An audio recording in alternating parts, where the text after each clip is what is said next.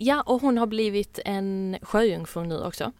Så jag Mm, testar, ja. eh, ja. Fråga mig inte hur mycket pengar jag har lagt på detta. Ja. De träffas i New York en vintrig sommarkväll. En vintrig sommarkväll. Vintrig sommarkväll. Dip-di-dip-di-du.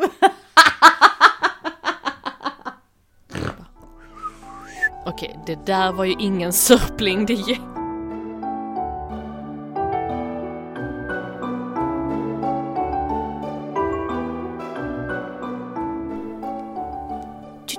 Tju-tju-tju-tju. Hej allihopa och välkomna tillbaka till Read Me Watch Me. Woho.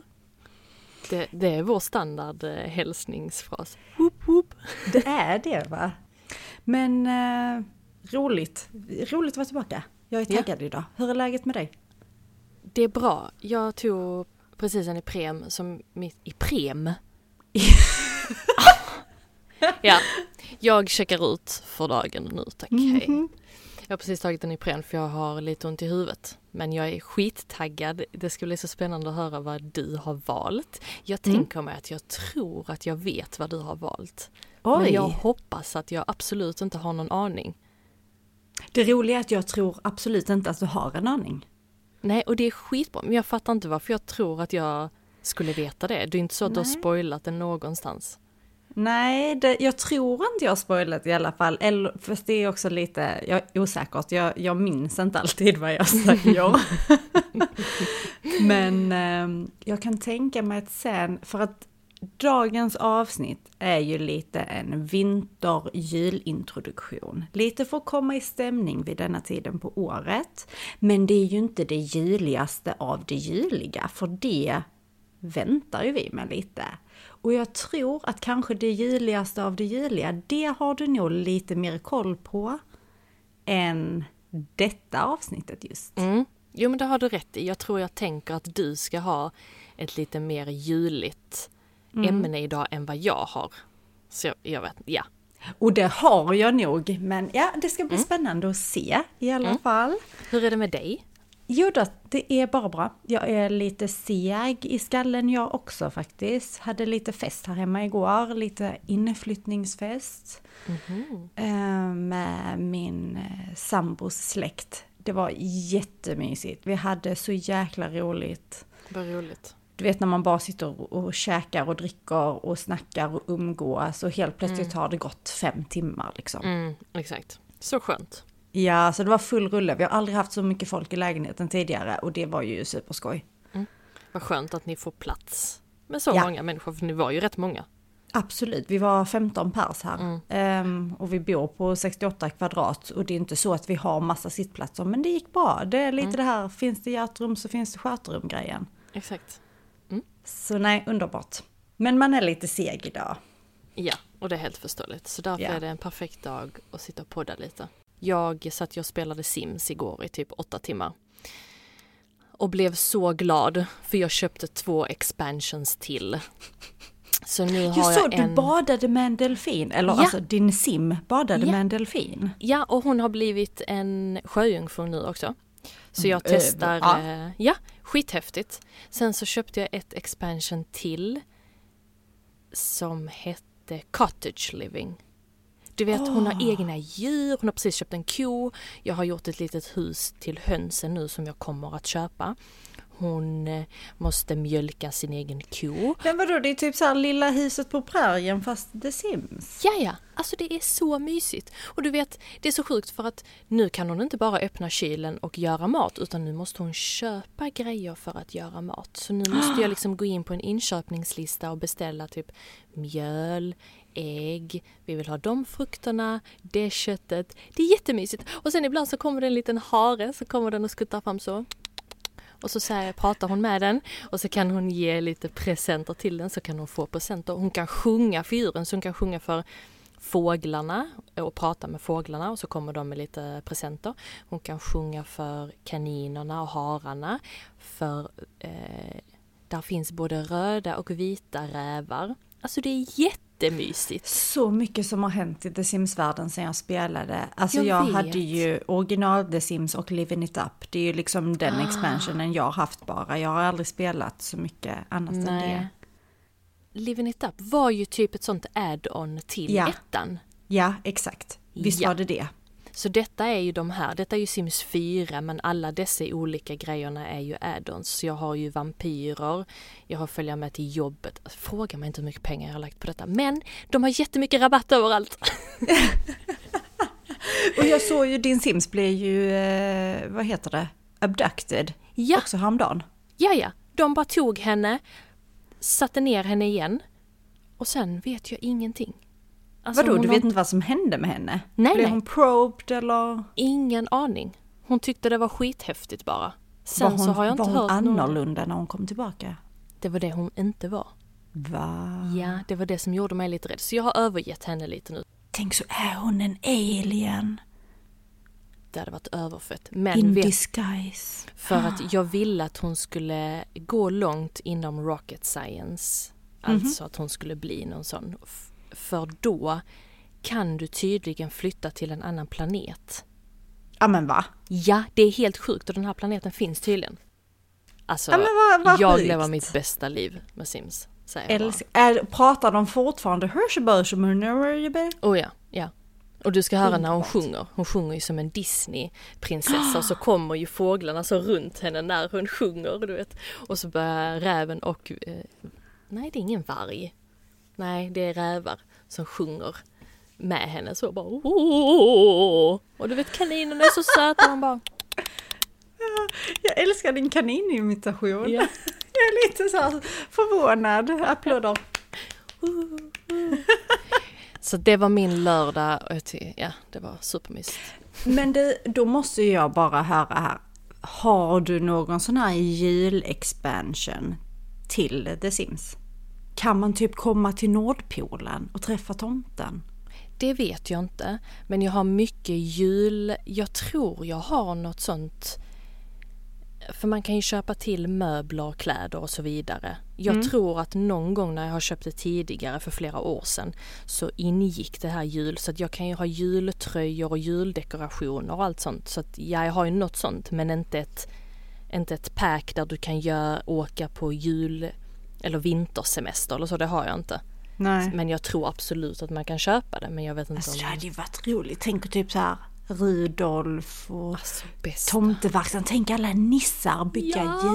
Tänk att bli en nisse. Att liksom utbilda Ja. sig, bygga leksaker i nisseverkstan. Hur häftigt? Underbart. Mm. Så att eh, det får bli till ett senare, det- kanske under julavsnittet har jag kanske köpt ett sånt. Kanske, vi vet inte. Vi får se det. Men jag längtar. Spännande, väldigt spännande. Ja. Ska vi kanske komma in lite på, på tal om vinter och lite jul då då? Vad vi har hittat på till Mm. idag. Mm. Jag, eh, jag har ju faktiskt valt ut två vinterfavoriter får jag ju säga. Är de juliga? Ja det är de. Men som sagt inte det juligaste av det juliga. Och den första grejen jag ska berätta om är en Netflix-serie. En norsk Netflix-serie som heter Home for Christmas eller Hem till jul. Och den finns i två säsonger. Den kom faktiskt 2019 och andra säsongen släpptes 2020 om jag förstod det rätt. Har fått 7,7 på IMDB av 10. Det är ändå bra för en julserie. Mm. Då är det, okej, inte jättemånga som har röstat. Det är 11 591 var det när jag, när jag kollade upp det. Men eh, ändå, 7,7. Jag tycker att det är rätt så imponerande för att vara en julserie faktiskt. Lite kort skådisar. Ida Elise Broch, Dennis Storhöj, Oddgeir Tune med flera såklart. Jag får ju erkänna inga namn jag känner igen. Sen så är ju inte jag jätteduktig på norska skådisar heller. Men eh, huvudrollsinnehavaren är i alla fall Ida Elise Broch. Sjukt duktig tjej. Och hon spelar då en tjej som heter Johanne. Och Johanne, som, som så många andra, känner ju pressen inför julen att ha en respektive, helt enkelt att ha en pojkvän. Hela samhället typ pekar hela tiden mot att hon ska skaffa en pojkvän. Hennes familj frågar hela tiden om hon har en pojkvän.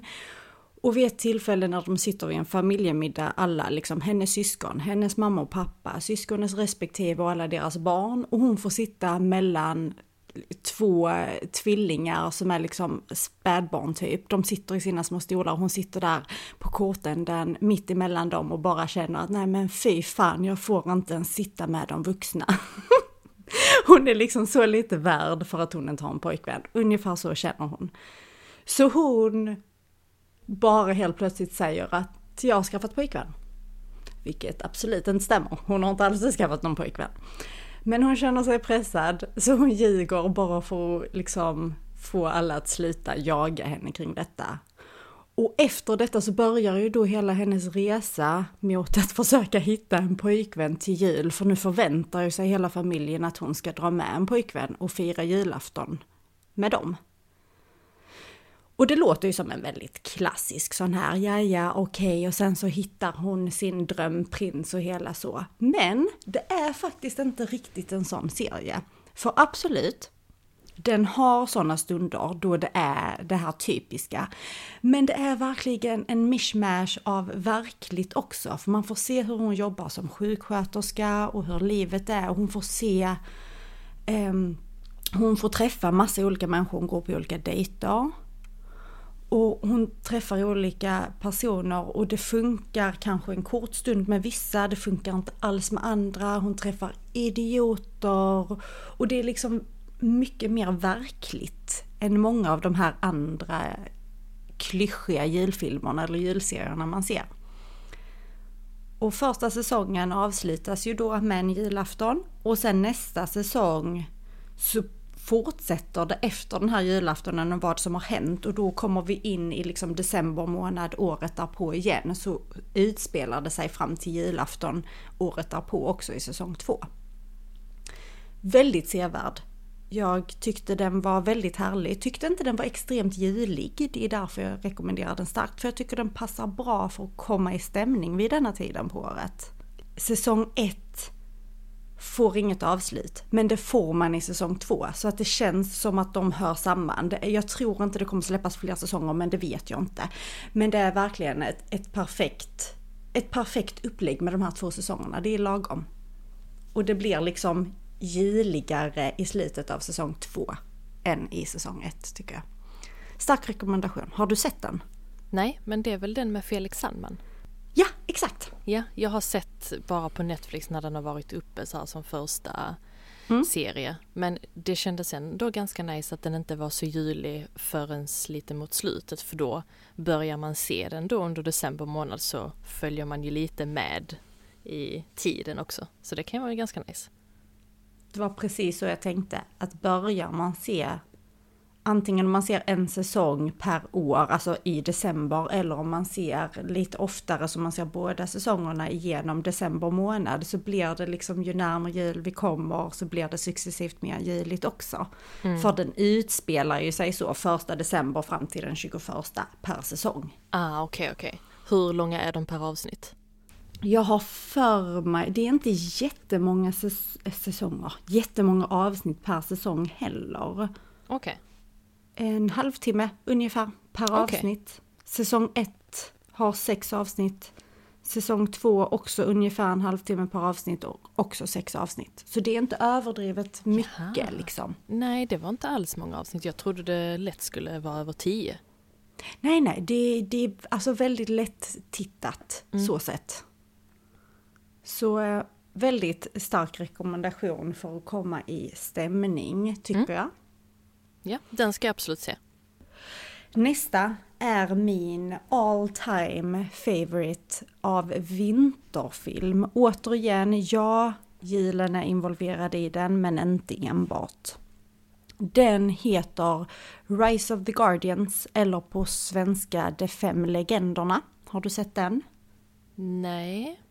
Nej, den är inte så välkänd har jag fått för mig i alla fall, för jag hade aldrig hört talas om den förrän för några år sedan, två, tre år sedan, så bara hittade jag den på Netflix och bestämde mig för att amen, titta på den, hade ingen aning om vad det var. Och jag blev så positivt överraskad. Den är otroligt härlig. Det är en animerad film från eh, 2012. Den varar i en timme 37 minuter och har på IMDB fått 7,3 av 10 då. Och då är det 165 000, strax över 165 000 personer som har röstat. Eh, skådisarna. Det är alltså Hugh Jackman som gör rösten till karaktären Bunny, som är påskharen. Det Eller är Jack Human som vi brukar säga. Ja, nu blir jag rädd. Sa jag Jack Human nu? Nej, jag sa Hugh du Jackman. Hugh Jackman. Du, jag blir lika nervös varje gång. Jag bara väntar. Jack Human, Hugh Jackman, vem är vem, vem är vad, eller va? Eller Jack Human. Ja men det är. Jack Human. Nej. Hugh Jackman som Bunny, eh, påskharen.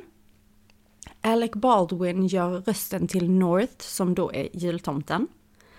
Isla Fisher gör rösten till Tooth som är tandfen.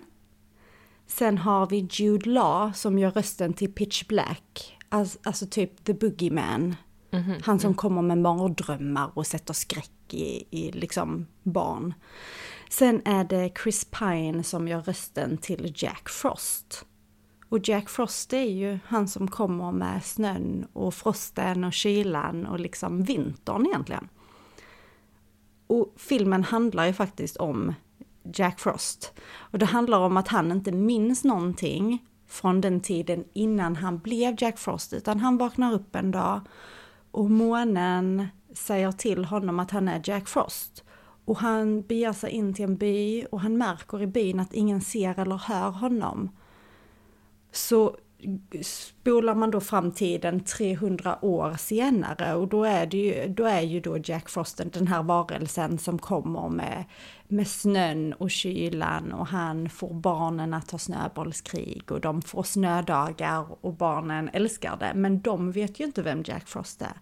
Alla barn okej, inte alla, men i denna filmen så många barn vet vem jultomten är och de vet om tandfen och de har hört talas om påskharen.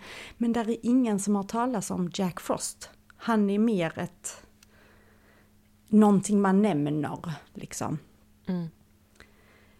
Men en dag så börjar Pitch Black ta över och sätta skräck i barnen genom att ge dem mardrömmar och få dem rädda. Vilket gör att alla barn börjar tappa tron på tomten och, och alla de här andra. Liksom. Och då utnämner månen Jack Frost till en väktare bland de andra. För tomten och tandfen, John Blund och eh, påskharen, alla de är redan väktare. Men så blir Jack Frost utnämnd till att vara väktare han också. För han behövs för att få tillbaka tron till barnen helt enkelt. För utan den här tron så tappar alla dessa varelser och myter sin kraft. Den kraften de behöver för att kunna göra det de gör. Det, det tandfen behöver för att kunna ta tänderna från barnen under, som de har lagt under sina kuddar och byta ut mot en peng. Och, och påskharen behöver det för att kunna dela ut påskägg till alla barnen kring påsk och tomten för att leverera julklappar varje julafton. Så då börjar liksom den här kampen mot Pitch Black för att han gör allt för att sabotera så att inte tandfen ska kunna lämna pengar till barnen vilket gör att de vaknar upp och tanden är kvar och då tappar de tron på tandfen för de fick ju inte det där som man skulle få när man hade tappat en tand. Detsamma vid påsk, de är ute och letar efter ägg, där finns inga ägg. Så de tappar tron på påskharen och allt eftersom tron liksom försvinner så försvinner deras krafter. Och det är där Jack Frost kommer in, för att ingen tror på Jack Frost, han är bara där. Och hela hans grej är att ha kul. Så det är det han gör, han får alla att ha kul igen. Och det är hela den här resan då mot Pitch Black. Att liksom få tillbaka tron och ha roligt. Och den är så härlig den här filmen, jag älskar den. Den är så underskattad, rösterna är klockrena, den här jäkla kaninen som är Hugh Jackman eller Jack Human. och tomten som är Alec Baldwin som typ bryter på ryska och Jude Law som Pitch Black, den här riktigt onda, sliskiga varelsen låter han som. Nej, den är, den är så bra. Har man inte sett den, se den.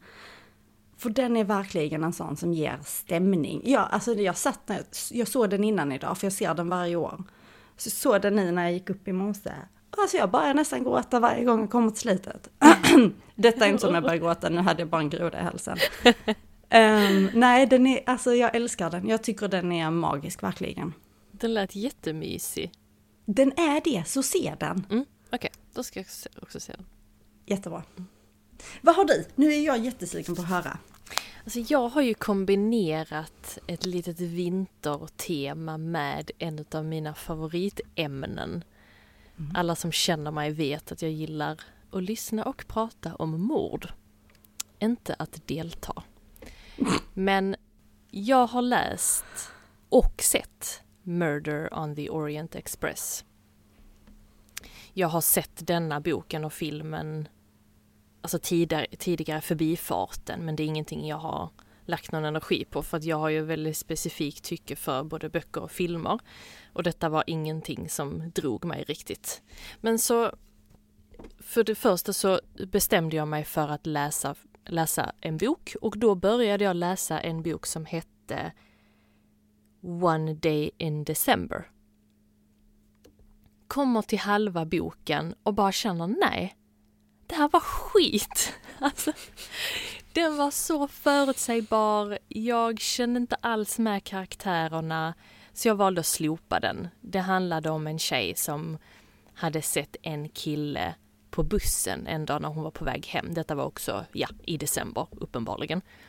Och så möter hon hans blick och han går av på vid sitt, vid sitt stopp. Så han vänder sig om utanför bussen, de möter varandras blickar igen och hon bara känner Åh, det här är the love of my life. Hur man nu än känner det efter en blick. Men ja, det var så hon kände. Och sen så får man följa henne under ett halvår fram tills dess att jag läste hur hon letar efter den här killen och vem, hur han, hur han ser ut och bla bla bla, förklarade allting för sin bästa vän. Bästa vännen försöker göra allt för att hitta honom också. Och så en dag så ska de ha, för, för de här två tjejkompisarna bor ihop, ska de ha en liten, jag minns inte om det var inflyttning, det var någon slags fest i alla fall. Och så säger då the roommate att åh, min, min nya kille kommer. Du ska äntligen få träffa honom. Hehehehe. Det är busskillen. Och jag bara kände nej. Nej, nej, nej. Det här, kom, det, här, det här kommer vara ett sånt här, en, en otrohetsbok som i slutändan kommer vara att bästa vännen kommer att acceptera det i alla fall så kommer de leva lyckliga i alla sina dagar. Och då kände jag bara, mm. nej, jag slopade den boken, tog upp Murder on the Orient Express för att jag kände att jag vill ha lite mysterie, lite... Ja men denna var rekommenderad lite överallt när det kom till vinter... Eh, vintervibes. Och för er som inte vet så är ju detta en bok från början, från 1934 av Agatha Christie. Och Agatha Christie hon är känd som detektivromanens drottning. Så hon har ju skrivit 66 detektivromaner och 14 stycken novellsamlingar där det eh, kretsar kring den belgiska detektiven Hercule Poirot. Jag lämnar det där. Och så får alla ja. ta in det. Och Miss Marple. Så att där är, jag vet inte exakt hur många som handlar om just Poirot och Marple, men de är ju två, det är ju två separata karaktärer så att en utav karaktärerna har vissa antal böcker och sen, ja. Ja, de finns inte i samma böcker. Tack. Exakt. Det, det, ingen, det finns liksom ingen bok som involverar båda? Jag tror inte det, inte vad jag kunde läsa Nej. mig till i alla fall. Nej, okej. Okay. På Goodreads så har denna boken 4,18 av fem stjärnor och då är det 459 000 betyg. Så 4,18 är ju väldigt, väldigt bra. Mm -hmm. När jag letar böcker så brukar jag oftast utgå efter betygen. Och är det strax över 4 då är, det, då är det en bra bok, men 4,18 det är, det är en ganska bra bok. Jag har sett filmen också men jag tänkte att jag kunde prata om den efter. Boken utspelar sig under 1930-talet på lyxtåget Orient Express. Poirot ska åka från Jerusalem, där han då har varit och löst ett fall, och ska åka tillbaka till London. Och just detta tåget är egentligen fullbokat just den natten som han ska åka. Där är 13 personer som ockuperar tåget. Så det var inte jättestort. Men Poirot lyckas ändå få en plats inne på tåget på grund av att han känner han som äger själva linjen. Mitt i natten, efter att tåget har lämnat Belgrad, så tvingas tåget att stanna på grund av att mängder av snö har blockerat tågspåret. Och de är fast så att de kan ju hoppa av tåget men de kan inte komma någonstans. De kan gå ut för att ta eh, lite luft. Poirot har väldigt svårt för att sova då han flera gånger under natten störs av oväsen från både vagnen men även grannkupéerna. Följande morgon så hittas en av passagerarna död där han har fått 12 stycken knivhugg på övre delen av torsen. Poirot börjar intervjua alla passagerare, gå igenom deras bagage men finner då att alla har ett alibi. Och då får man se, eller då får man läsa hur han kommer fram till hur detta mordet har skett. Mm. Jag vill lämna det där för att om jag säger för mycket så tror jag att jag kommer avslöja mycket men ändå inte mycket. Jag vet inte hur jag ska förklara annars. Men jag, jag lämnar det gärna där.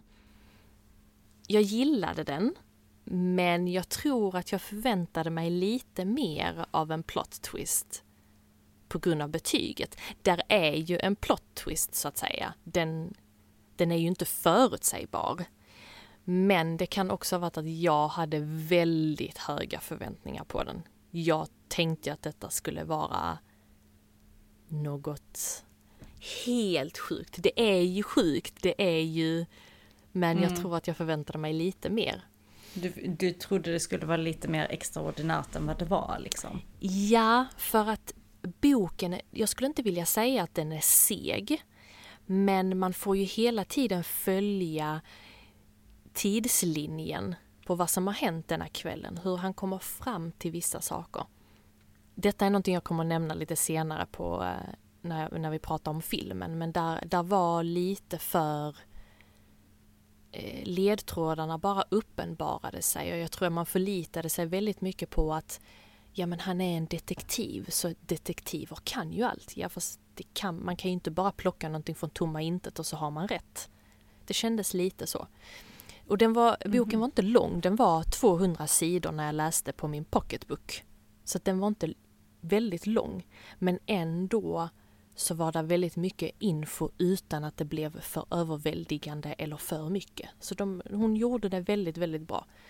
Och sen en sak som jag tyckte var lite synd, att det är ju en svensk karaktär i boken som heter Greta Olsson som inte kom med i själva filmen utan jag tror att i filmen så gav de henne ett annat ursprung om jag fattade rätt. Om det nu ens är så att det är samma karaktär, för ibland så mashar de ju ihop kanske två yeah. karaktärer från en bok till en i filmen för att det ska förenkla. Så jag är lite osäker där, men jag tyckte det var lite mm. synd att inte hon kom med. Du har inte läst boken? Jag har inte läst boken. Nej. Är den värd det? Alltså nu har ju du sett filmen, så nu ja. vet du ju hur det slutar. Men mm. ja, jag tyckte den var, det var ju en mysterie, det var ju lite hur, hur fan ska detta, de är på ett tåg, där är snö överallt. Där finns inget sätt för en gärningsman att ta sig därifrån eller ta sig in. För Nej, att precis. mordet skedde under en tid där tåget rörde sig. Och sen när de då upptäckte att han hade blivit mördad, då stod de stilla. Så det var lite så, är det inte också så att det typ de är mitt ute i ingenstans där tåget stannar. Det är inte så att de är i en by. Eller, Exakt. Alltså, Exakt. så att det är ju verkligen så att den som har gjort det finns på tåget. Vem är det? Exakt, där fanns, exakt. och det, det fanns inte heller utrymme för den här personen att gömma sig. Så att någon av dessa människorna på tåget har ju gjort det. Men lyckas, alltså i boken, lyckas de bygga upp en spänning? Är det spännande att liksom fortsätta för att ta reda på vem är det? Jag läste den hela tiden för att jag ville veta hur hon knöt ihop det. Okej.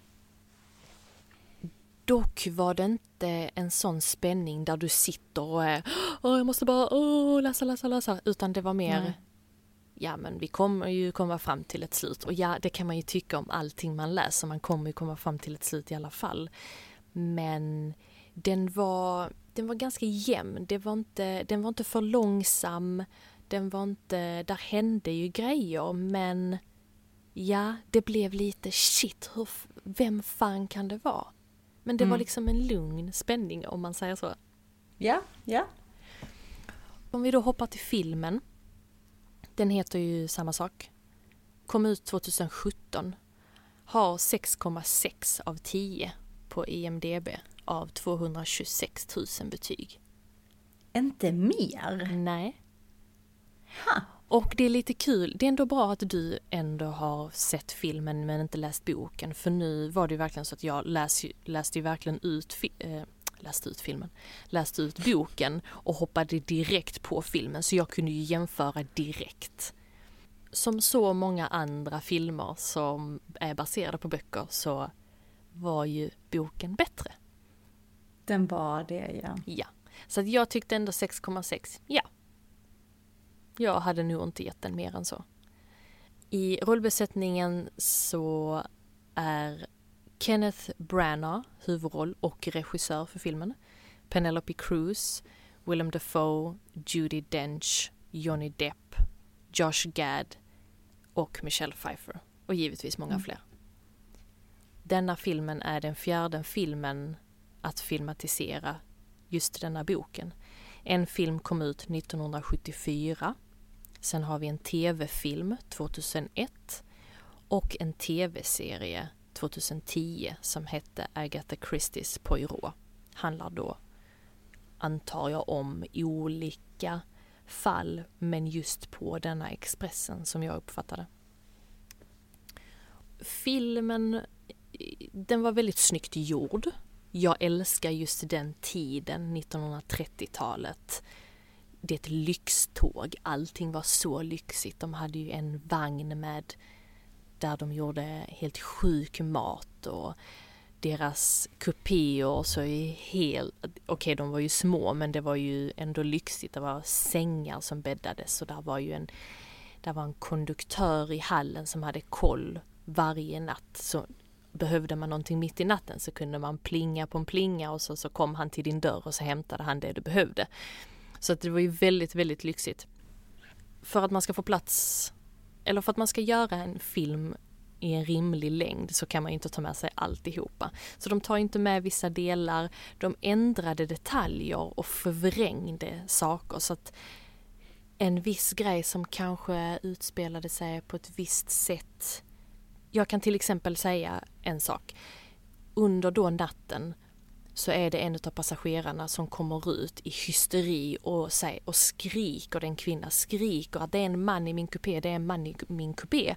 Han var här inne. Och hon slutar inte skrika om detta och säger till han som jobbar nattskift i själva vagnkorridoren eller vad man ska säga. Och han tycker, ja ja skitsamma, du, du låg bara och sov eller du drömde eller avfärdade. Medans i filmen så säger hon det en gång, bara så här, när de sitter samlade i en, i en av restaurangvagnarna. Och så säger Poirot då att nu har det blivit, en man har, har mördats och, någon, och mördaren är kvar här på, på tåget. Och då säger hon någonting i stil med att ja men det var ju en man i min kupé, helt lugn. Och sen lite senare i filmen så får man höra igen, ja men jag har ju hela tiden försökt säga till att det är en man i min kupé. Ja fast nej, så i, i boken så var hon mycket mer hysterisk och mycket mer rädd. Vilket man kan förstå om man ser någon i sin kupé. Det är väldigt mörkt men där står en figur av någon i din kupé. Då blir man ju hysterisk och väldigt rädd och man skriker och man vill att alla ska se det. Så att det kändes inte riktigt trovärdigt i filmen. Hennes karaktär. Nej, och givetvis ja. ska det ju också vara så att eftersom gärningsmannen inte har tagit sig av tåget så är alla misstänkta. Så jag, man kanske ville behålla det att hon, hon kanske lät misstänksam och därför ville man inte, jag vet inte. Men som sagt. Och att ledtrådarna då kom från tomma intet. Så i böckerna kan du givetvis ha en helt annan uppfattning för där kan du läsa dig till karaktärens tankar medan du inte kan göra det i filmerna. Så därför måste de koppla ihop det på ett annat sätt för du lär ju känna en karaktär så mycket mer i boken för du vet hur de tänker och resonerar. Medan i en film så måste de förklara på helt andra sätt för att du ska lära känna dem. Så jag förstår ju det men ja. Synd. Boken bättre always, filmen helt okej. Okay de karaktärerna som jag visualiserade från boken var ju inte alls så som i filmen till exempel. Nej. Och det är klart, Nej, det är ju annorlunda från person till person. För det är väl också lite så att Alltså i och med att det är så olika sätt att berätta en historia så går det ju aldrig att göra det likvärdigt. Nej.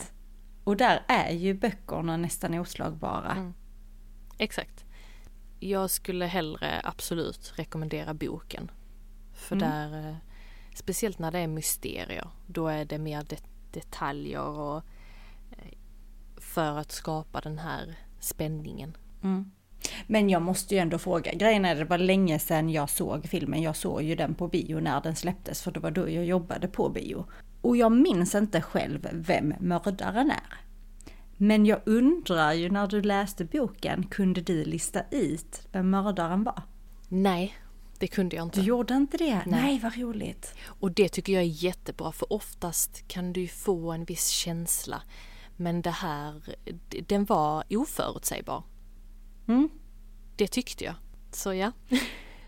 Yes, nu är jag spänd på att höra din, din andra vinterfilm kanske? Nej, du har pratat om två filmer. Ja, jag har pratat om en serie och en film. Och sen har jag lite så här allmänna tips för att komma i stämning. Faktiskt. För jag har ju sett en hel del för att det är tydligen det jag gör med mitt liv. och jag har en salig blandning här. Um, och jag tror faktiskt att alla finns på Netflix nu när jag tänker efter. Det är bra ju. Vi kör på. En realityserie från detta året som heter Blown Away Christmas. Blown Away är egentligen en eh, glasblåsartävling. Alltså det är en reality-serie om glasblåsare.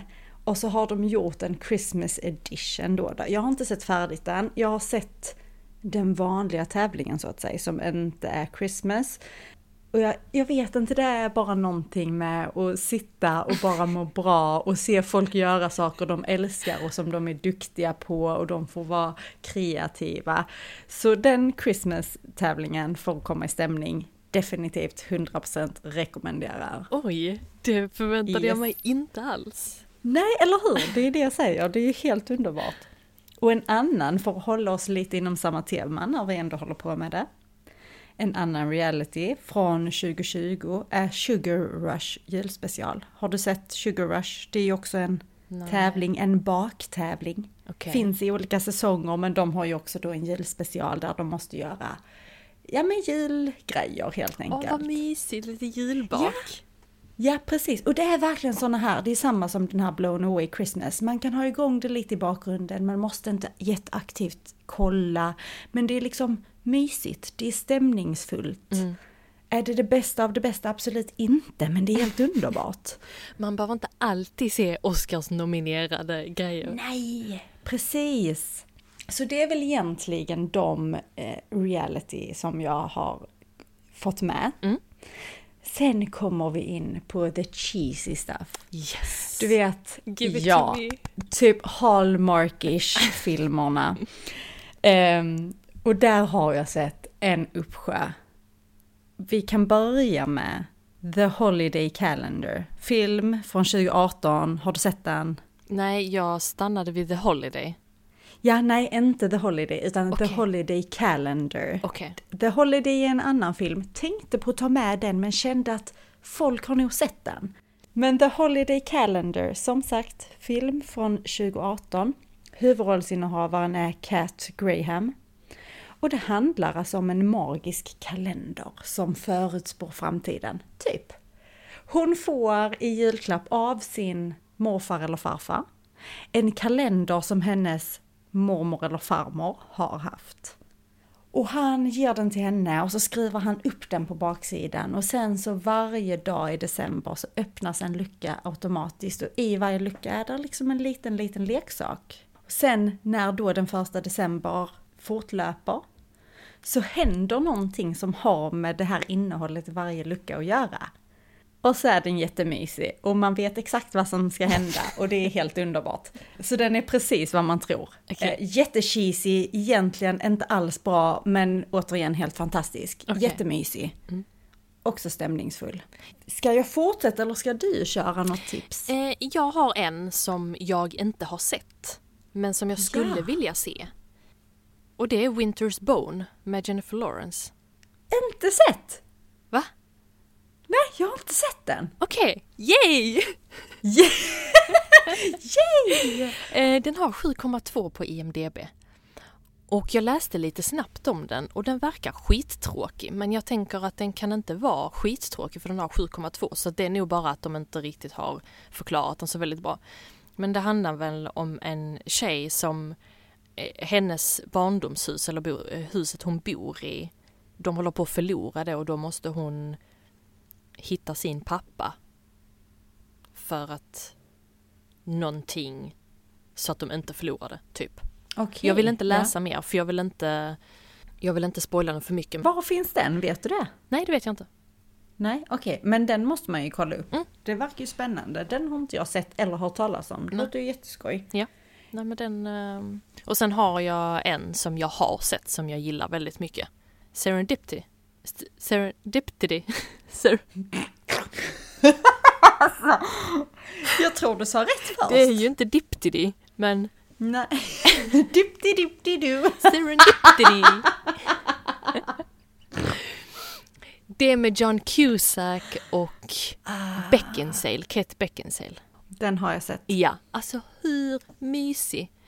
Och det är väl att hon eller han skriver, nej hon skriver sitt telefonnummer på en sedel. Och sen säger hon om den någonsin kommer till dig så vet du att det är ödet och då kommer vi träffas en dag. Så de separerar ju efter den kvällen. Jag tror de spenderar kvällen ihop.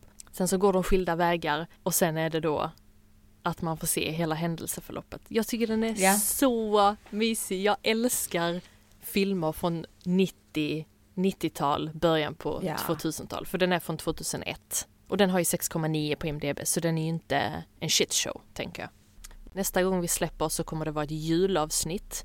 Och tanken är att det kommer släppa den, släppas den 22 december. Så två dagar innan jul. Exakt. Det är precis innan och det kommer vara så sjukt juligt. Alltså det kommer, det, där snackar vi crème de la crème av julen. Ni kommer känna lukten av glögg. Ni kommer höra pepparkakor krispa i bakgrunden. Och en liten... Ni kommer höra detta jättemycket. Fan att jag inte hade en. Jag får skaffa en. Okej, jag ska sluta nu. Så, sorry. En liten bjällerklang i Mm. hela avsnittet. Nej, det ska bli jättemysigt och eh, spela in det och eh, släppa det då.